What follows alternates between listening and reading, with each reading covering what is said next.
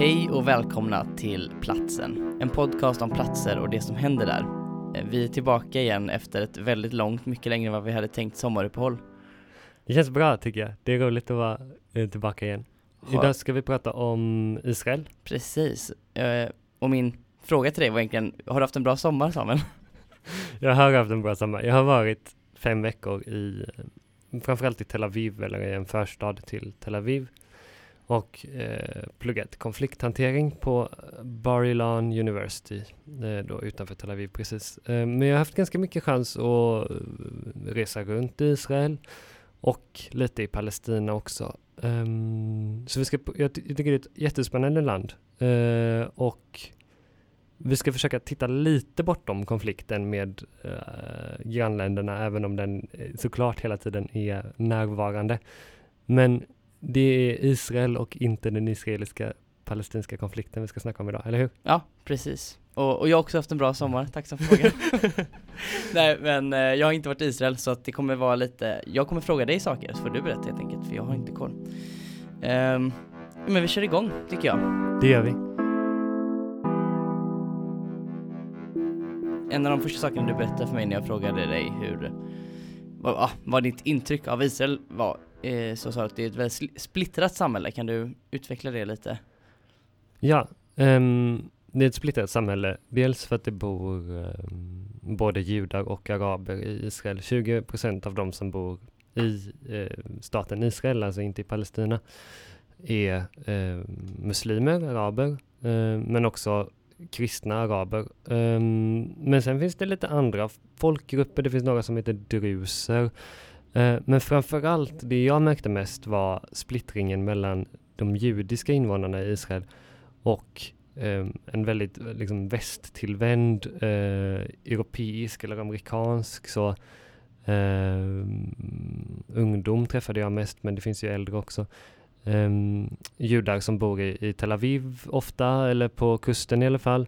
Um, och hur de hatar uh, liksom de, de religiösa fundamentalisterna som framförallt bor i Jerusalem och um, de ortodoxa judar som, som har en, en väldigt så um, patriotisk syn på staten Israel och uh, en, en väldigt icke-liberal syn på, eh, på hur, hur en judisk stat ska se ut. Just det, och jag tänkte, jag tänkte innan du åkte till Israel, hade du, om du skulle liksom tänka dig en invånare i Israel, är det någon av de två grupperna som, som du var mer benägen att så här, tänka att ja men så här är en Israel? Jag vet inte om, alltså jag vet inte vad jag trodde egentligen. Jag menar, ehm, för, för grejen är ju att, att jag visste ju liksom att, att Tel Aviv var en, en väldigt eh, modern stad och sådär. Det är också en väldigt så gayvänlig stad. Skulle man kunna jämföra med någon stad i Europa? Men jag tänker, nu har jag aldrig varit i Barcelona, men jag tänker att det kanske är lite likt Barcelona. Det Mm. ligger vid stranden, liksom, det, det är en, ett, verkligen ett paradis med en lång vit strand och så vita, eh, vita byggnader bakom, så mycket uteservering och kaféer och sådär. Eh, men samtidigt har man ju sett på bild ifrån eh, från Israel med de här eh, ortodoxa judiska männen i långa kappor och, och, och hattar och sådär. Och det var också det, när jag, när jag skulle åka ner med planet så var det väldigt märkbart hur hur de ortodoxa judarna hade problem med att få in eh, hattarna i Mm. hatthyllan på planet för det fanns liksom inte riktigt plats för de stora svarta hattarna och sådär. Så jag visste inte riktigt vad jag skulle tänka liksom. Tror du att, jag har ofta tänkt på när man kollar på eh, typ amerikanska tv-serier och ja, men, överlag i amerikansk populärkultur så finns det, alltså det finns en närvaro av, av judar som jag inte upplever finns i, i vår kultur, alltså i, i svensk eh, eh, populärkultur, till exempel i tv-serier och så. Och det är ofta så här det är ofta en sak jag känner att jag missar typ, alltså när någon är judisk och det är så här typ fem avsnitt in så, här, så drar de något skämt om det och jag bara ha. Just då, om man skulle, om man var amerikan hade man fattat det Ja, från precis. första stunden Jag har liksom liksom. ingen bild Nej. av hur Så är det ju. eh, karaktäristiska drag, nu ska man inte dra, generalisera människor på det sättet men det är ändå Ja, det är ändå intressant att det, liksom det känns som att ju, judendomen inte porträtteras överhuvudtaget i, i, Sverige. Nej men jag menar, så är, så är det ju. Ehm, jättemycket såklart har, har du, finns det något så här konkret exempel på, om vi kommer tillbaka till den här konflikten mellan, ska vi, kan man kalla det den mer liberala eh, juden och den konservativa eh, ortodoxa? Kan du, har du något så här konkret exempel på hur det kunde se ut i, i vardagen? Mm. Ja men jag, eh, det har jag. Um, jag var hemma hos en, en um, han som var rektor, var väl hans titel, um, på uh, universitetet där vi uh, pluggade. Han var liksom en, en, en högt uppsatt akademiker där. Um, och uh, han, han bjöd in hela klassen till sin lägenhet eh, och eh, i det här lägenhetshuset så hade de en, en hiss det var ju ett, ett religiöst område utanför Tel Aviv. Um, och den här hissen går uh, på Shabbat då, judarnas heliga dag. Så mm, är man religiös uh, så ska man inte använda man ska inte liksom, sätta på elektricitet. Man ska, inte, man ska heller inte köra bil eller så, men man ska inte använda man ska inte använda, man ska inte um, handarbeta eller så, man ska inte anstränga sig och, och inte använda elektricitet eller tända eld eller sådär. Och um, då har de gjort, han kallade det själv för att de har ett religiöst trick. Um, och det är att hissen är tidsinställd. Den går utan att någon måste trycka på knappen. Så då har man liksom kommit förbi det. Uh, så, så hissen går och då eftersom alla måste kunna använda hissen utan att behöva trycka på någon knapp så går den till alla våningar. Så den stannar på första våningen, den stannar på andra våningen, på tredje, på fjärde, fjärde, femte och sen så går den ner igen. Um, och Men den går konstant liksom? Den går, ja, precis, den går konstant. Det känns lite, lite motsägelsefullt på något sätt. Ja, ja, det, ja, det, kan man tycka. Uh, men, och, och dörrarna öppnar sig av sig själva såklart, så att det slipper man också öppna elektriskt och sådär. Man behöver inte trycka på några knappar, det är bara att kliva in Eh, men då menade han då, för han, han tyckte att det här var bra, han, han höll shabbat eh, och, och tyckte att det här var bra, liksom han hade flyttat dit delvis på grund av att hissen gick precis så här.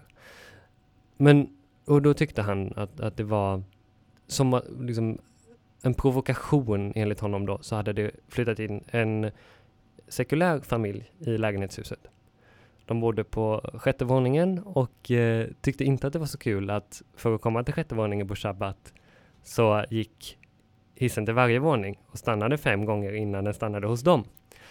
Eh, och sökte då konflikt enligt honom. Eh, och eh, det blev liksom ett stort möte där eh, man skulle lösa hur man skulle hantera de här intressena av att dels ha en shabbathiss eller, eh, och, och också att den här icke-religiösa familjen skulle komma till sin lägenhet fort, liksom, som de propsade på. Och lösningen på det var att de, de konstruerade om hissen, så numera går hissen till fjärde våningen. Mm. Sen går den upp till högsta våningen. Och sen går den från 12 eh, våningar högt, tror jag, eller 14 våningar. Så går den från 14, 13, 12, 11. Så den går på varje våning ner istället. Så, att, okay. ja, så de lyckades lösa det då. Liksom. Um, och, men, men det finns ju fler exempel på det här kraschar. Uh, liksom, de här två världarna klaschar med varandra hela tiden. Liksom. Ja. Ja, intressant. Det fick mig att tänka på, jag lyssnade på ett avsnitt av den amerikanska podcasten um, Planet Money, som är en sån public radio uh, podcast som är väldigt bra, kan jag rekommendera. Mm, jag har också lyssnat på den, jag tycker den är toppen. Ja, mm. som handlar, just det här avsnittet handlade om hur uh, en, ja, det var, det var någon, uh, en, en kille som hade en liten bank, han hade någon, en, en muslim hade helt enkelt frågat honom så här, kan inte ni så här jag kan inte låna pengar för att köpa ett hus för att eh, om man är rätt trogen, som egentligen, det var inom kristendomen också så här, att ränta är liksom förbjudet.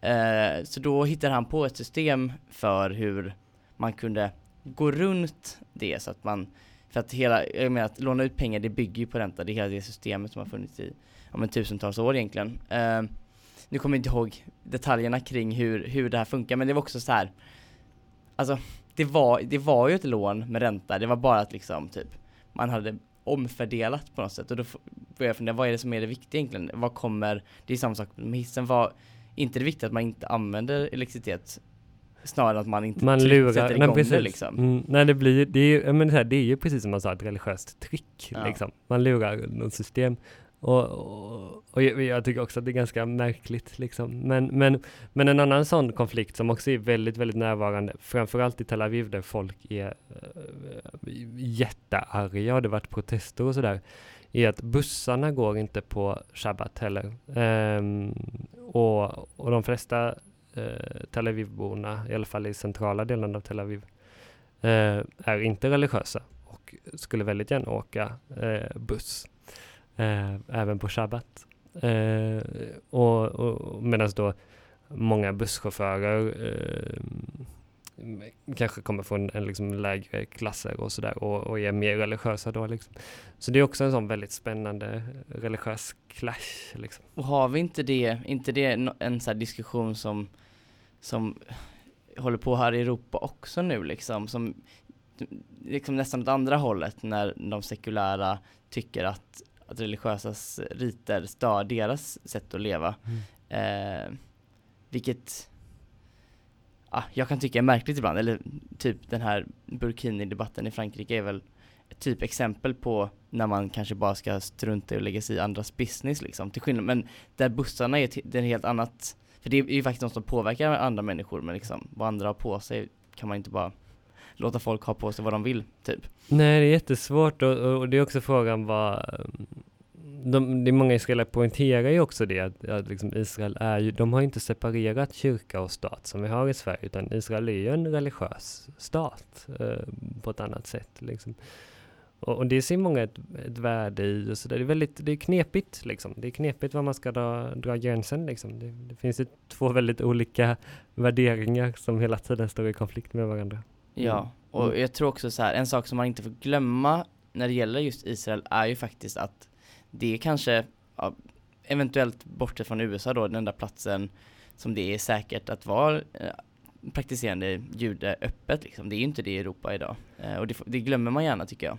Ja, eh, och, och, det är väldigt många, där finns det också en jätte jätteintressant grej i Israel. De kallar det för det demografiska problemet.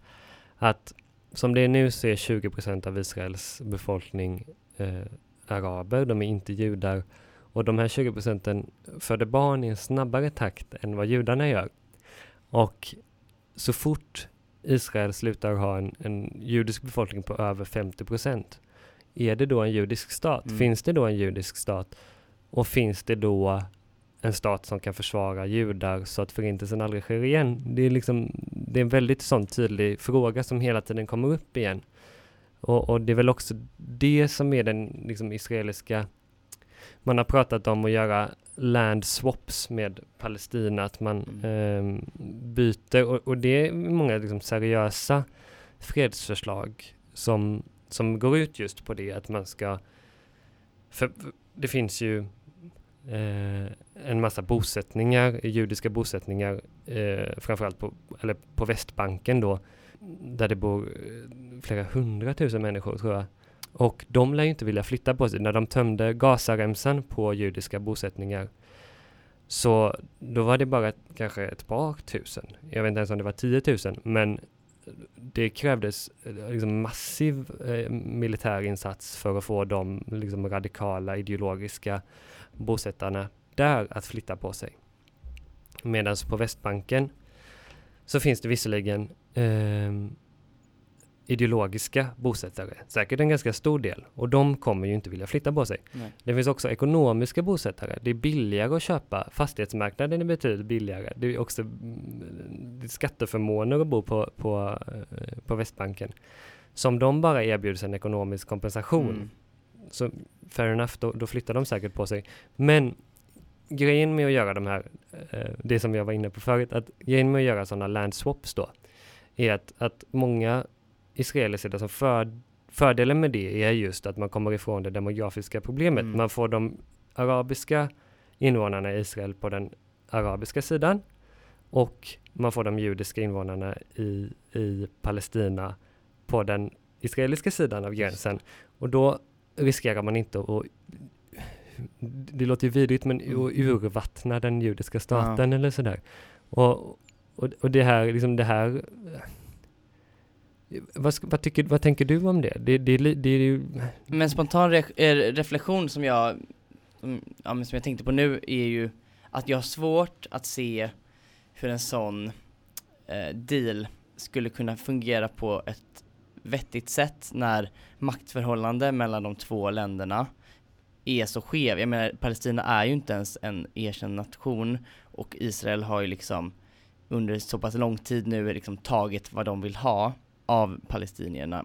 Så hur ska man liksom kunna från den liksom grunden göra en deal med varandra när man byter land liksom när Ja, förstår du vad jag menar? Jag, har svårt jag, för, jag förstår precis vad du menar. Um, jag tänker att det får vara under övervakan av uh, större makter. Ja. Um, USA vill säkert ha med ett finger i spelet. Det är säkert fler länder som vill det också. Men ytterligare ett problem med det är att de araber eller palestinier som bor i, i Israel de, de har en mycket friare tillvaro, mycket bättre ekonomisk mm. situation än araberna i Palestina. Och de vill absolut inte nödvändigtvis bli del av en palestinsk stat. Nej, just det.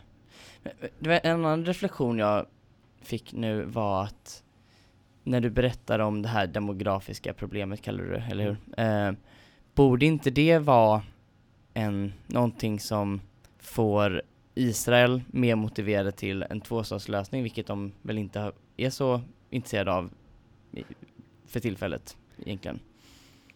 Jo, det kan man ju tycka, verkligen. Men det är knepigt i det, för samtidigt så nu blir det väldigt mycket israelisk inrikespolitik här, ja. men, men, men det är liksom en pågående debatt i Israel om hur man ska tänka kring de arabiska invånarna i, i Israel. Och, och Netanyahu, eh, som är premiärminister i Israel, ehm, var ute för kanske en, två månader sedan och, och, och förklarade hur, eh, hur viktiga de arabiska invånarna i Israel är. Ehm, och, och, många ser ju det med tanke på att han ändå är en, en, en ganska extrem högerpolitiker, väldigt nationalistisk, ser ju det som ett sätt att slå sprickor mellan de arabiska eh, befolkningarna på båda sidor av gränsen mot Palestina. Liksom. Han är rädd för att de ska, ska enas eller ja. samarbeta. Han vill att de ska eh, liksom, ja. Så, så, så, han då tycker, hans nya taktik är uppenbarligen att försöka inkludera eh, de arabiska befolkningarna i den judiska staten. Sen hur det kommer gå är väl frågan. Mm. Jag, jag tänker vi ska gå vidare strax, men jag har en, en fråga.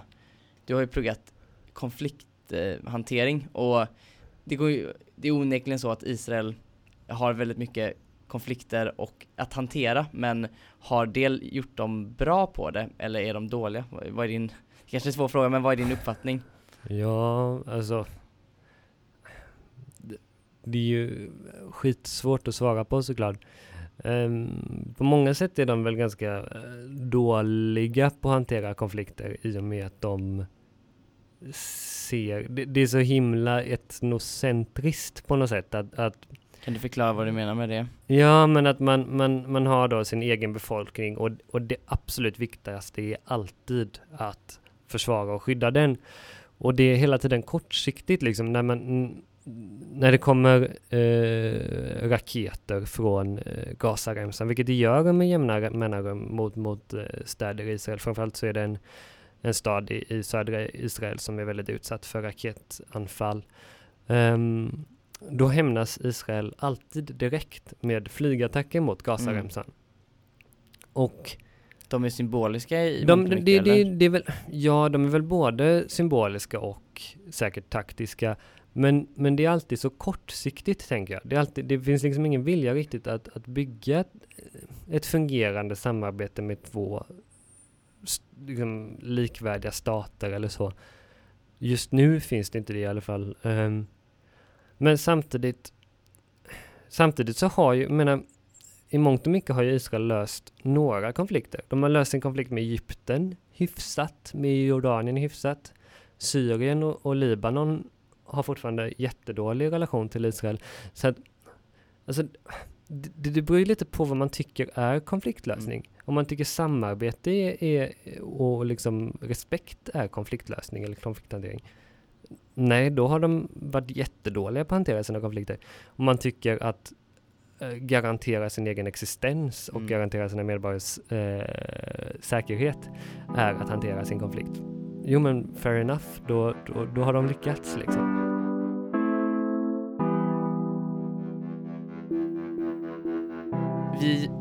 Gör ju en podcast om platser, eh, uppenbarligen eftersom den heter det. Eh, så jag tänkte vi skulle prata om en specifik plats i Israel, eh, kanske den mest berömda platsen, Klagomuren. Eh, kan inte du ge en kort bakgrund bara? Vad, vad är Klagomuren rent bibliskt? Ja, jo, Klagomuren Klagomuren heter egentligen den västra muren, Western Wall på engelska. Eh, och det är den västra muren på Salomons tempel som eh, är en, en helig plats för, för judar. Eh, när templet förstördes två gånger eh, på 500-talet innan Kristus, för bra länge sedan nu. Eh. Ja, det får man ändå säga. Och ehm, jo, ehm, men det man då, anledningen till att man kallar den för klagomuren är då att, att judar beklagar att eh, Salomons tempel förstördes för att eh, det finns liksom en tro om att när eh, templet återuppbyggs, när det byggs ett tredje tempel, så kan Messias komma. Det är liksom en väldigt så, tung eh, laddad plats för judar. Och det kan man ju säga, en av de stora skiljelinjerna mellan kristendomen och judendomen är ju just det här med att kristendomen anser att Messias har kommit, alltså Jesus, medan judendomen anser att Messias kommer, kommer komma. Att komma. Ja. Mm. Eh, men samtidigt så är det också en helig plats för muslimer eh, där eh, eftersom Al-Aqsa-moskén ligger på toppen av eh, tempelberget då som, som judar kallar det för. Um, och, och det är den tredje, Mohammed besökte den här platsen när han reste i Mellanöstern. Och, eh, och det är den tredje, efter Mecka och Medina är det den tredje heligaste platsen inom islam. Um, och om man då ska bygga en, ett tredje tempel, vilket många ultraortodoxa eller religiösa högersinnade judar vill att man ska göra, då måste man förstöra Al-Aqsa-moskén och eh, Dome of the Rock som är eh, fånigt att jag säger det på engelska, vad kan ja. den heta på, på, på svenska? Klippmoskén? Ja, ja.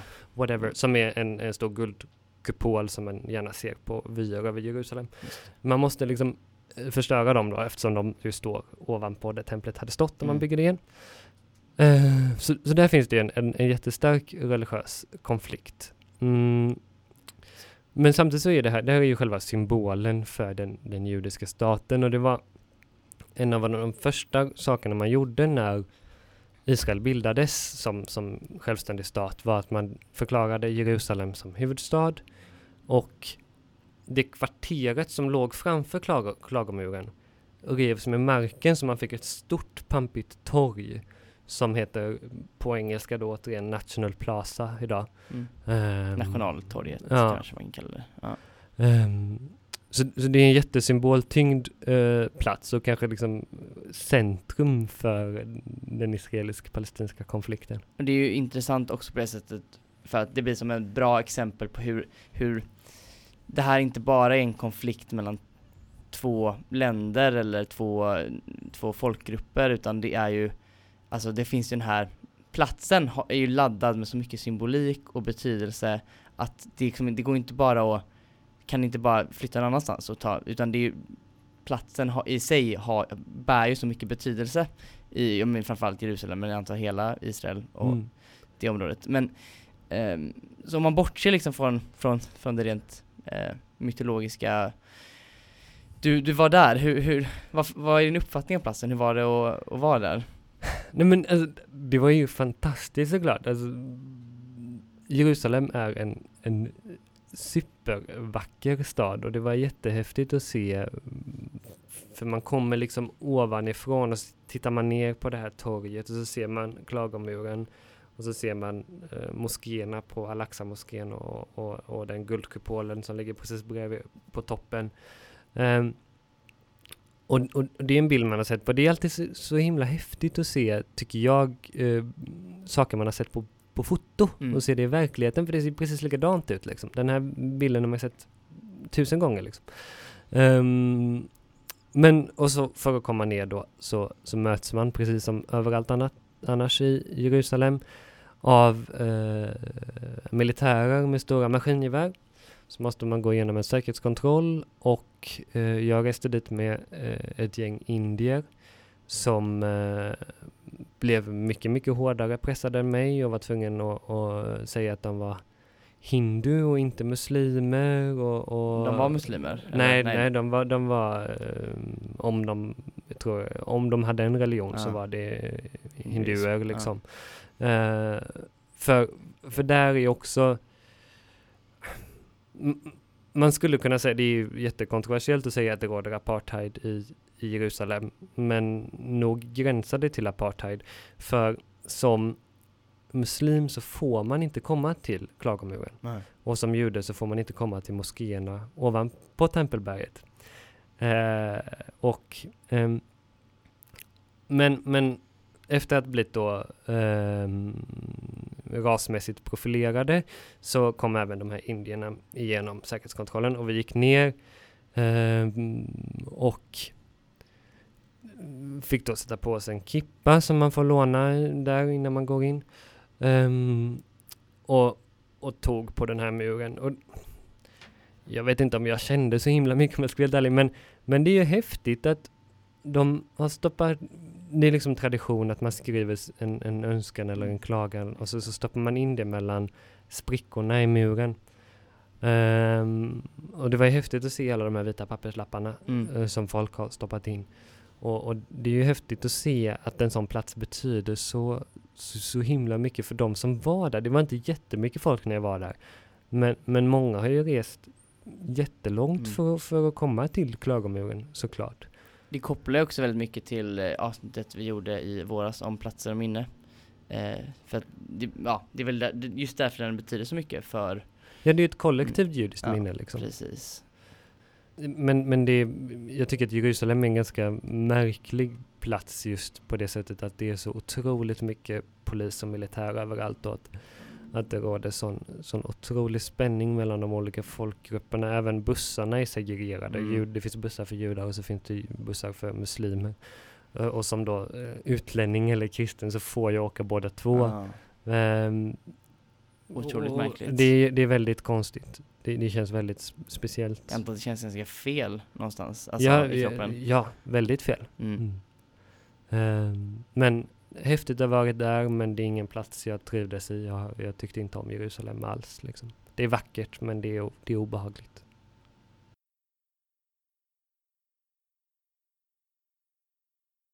Så, eh, från Jerusalem tillbaka till Tel Aviv tänker jag. Precis, en timme längs eh, motorvägen och ner mot kusten så är vi där. Eh, och eh, Tel Aviv byggdes av eh, framförallt tyska arkitekter från Bauhausskolan. Bauhaus, bara lite så här. Historiken bakom var ju en,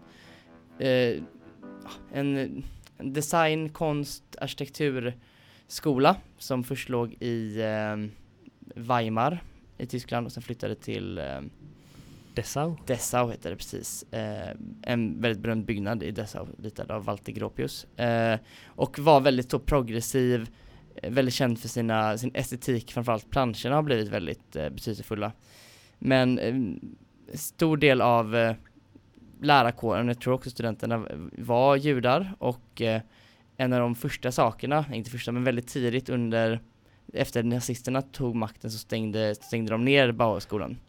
Eh, Precis, för Bauhausrörelsen skapades på 20-talet någon gång, eller hur? precis. Så det Mm. var en ganska kort, eh, under ganska kort tid, men de blev väldigt inflytelserika. Och eh, sen när kriget började närma sig eh, och i början av kriget så försvann väldigt många av de som gått på, på Bauhaus, eh, framförallt judarna då, antingen till USA eller till Israel. Så många hamnade ju just i, i Tel Aviv. Precis.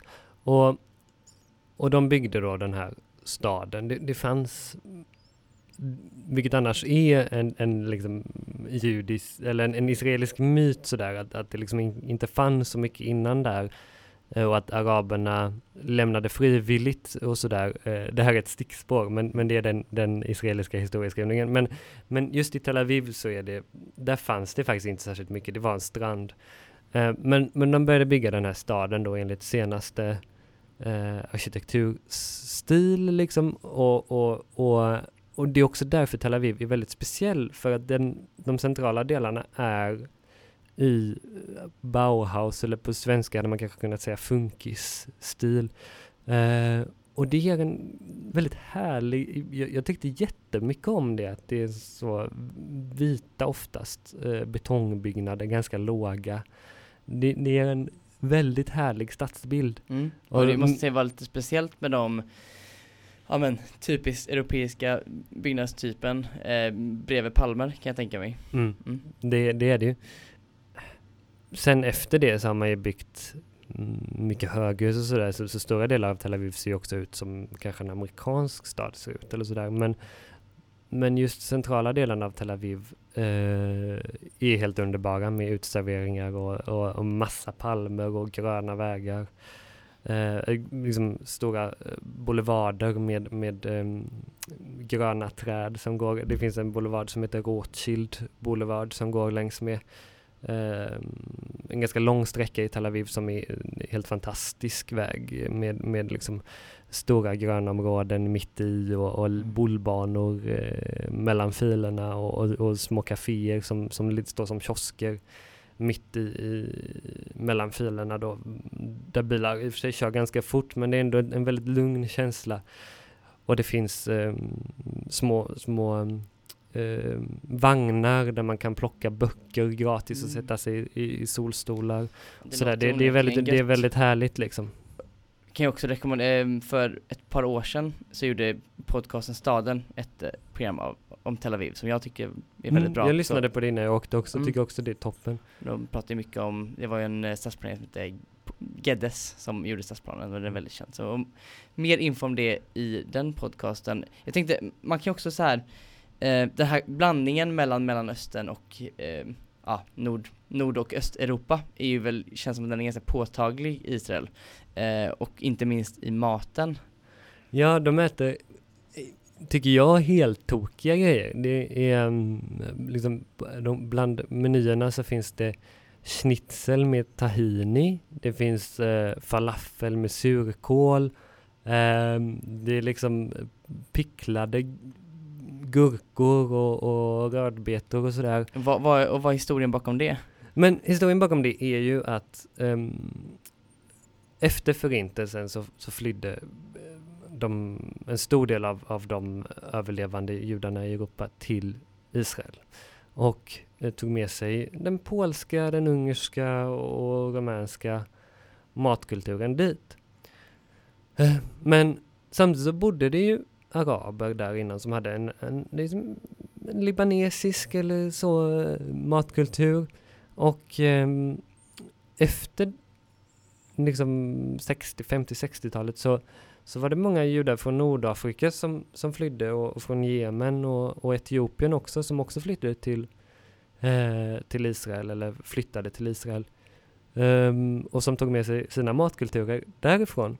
Så det är en ganska spännande mix av, av, uh, av uh, ja, många hade nog tyckt, precis som jag, att, att det är helt tokigt att man kan få en klassisk schnitzel då, inte gjord på fläskkött utan på kalkon i ett pitabröd mm. uh, med tahini på. Alltså det, ja, men, ja men det är ju ganska ja. gött liksom, men det är också ganska, det är ganska lustigt.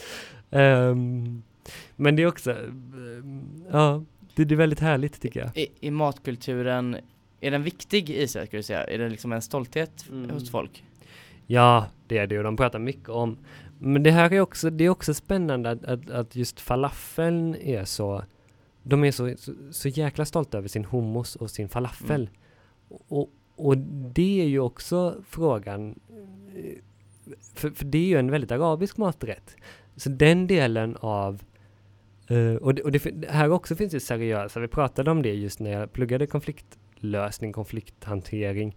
Att det finns seriösa konfliktforskare som menar att falafeln och hummusen kan vara en brygga för förståelse mellan eh, palestinier eller araber och israeler. Mm. Att, att man har i alla fall liksom en gemensam sak som man kan, kan bygga på liksom. Det är ju någonting väldigt personligt också eh, med mat och liksom, det kopplar väldigt nära till ens personliga barndomsminnen och dofter och smaker som, som tar en tillbaka någonstans. Så det kan ju kanske vara lite avväpnande men samtidigt är det inte lite naivt att tro att, att det skulle kunna lösa en tusenårig, mångtusenårig konflikt. Så. Ja, ja, men det är jättenaivt såklart och det kanske inte är det de egentligen menar. De kanske menar att det kan vara en liten gruskorn för att bygga eh, den liksom eh, freden ja. eller så, eh, eller bron. Eh, men, men som det ser ut nu så är relationerna mellan Israel och eh, Palestina så, så dåliga så att även det minsta gruskorn är en början på en bro, ja. tänker jag. Ja.